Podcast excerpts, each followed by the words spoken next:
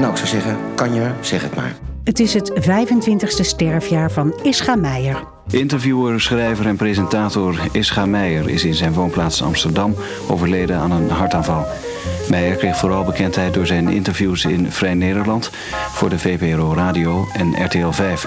Ja, ga door, ga door. Ook schreef hij een dagelijks stukje, De Dikke Man, in het Parool. Wacht nou even, daar zijn we nog helemaal niet. En als Ischa Meijer iets was, was hij een radioman. Nee, nee, nee, nee, nee, nee, nee, niet zo makkelijk eroverheen. In de podcast Een dik uur Ischa op de radio laat Anton de Goede, vriend en vijand, een duik nemen in het archief.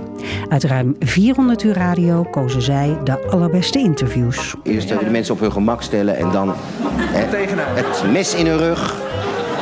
Dan denken ze, hoe komt die erop?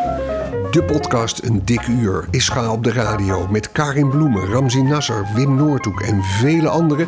En de meest hilarische, kwetsende en serieuze vraaggesprekken van Ischa Meijer. Vanaf 10 februari, iedere twee weken een nieuw deel. En de introducerende nul aflevering met Ischa-kenner David de Jong staat nu al online. Abonneer je op de serie via NPO Radio 1 of in je favoriete podcast-app. Ik doe mijn werk wel gewoon. Ik word wel gek, ik ga wel dood hieraan. Ga maar door. Meer weten? vpro.nl slash ischa podcast.